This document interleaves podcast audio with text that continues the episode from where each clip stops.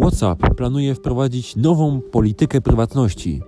Tym samym chce uciąć spekulacje, że aplikacja stanie się płatna, że będzie jakaś subskrypcja do zapłacenia. Ale otóż nie.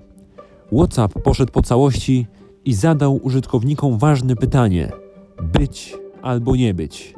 Do 8 lutego ci biedni ludzie mają zaakceptować nową politykę prywatności, która ma na celu wykorzystywanie danych z aplikacji należących, a raczej kupionych przez Facebooka w celu tworzenia profili reklamowych i dostosowywania się do reklamodawców.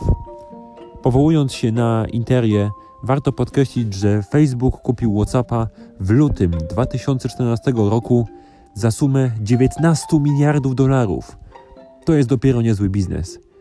Mark Zuckerberg wiedział, co robi, jak tylko chciał kupić popularne aplikacje co Facebook, żeby wyeliminować konkurencję.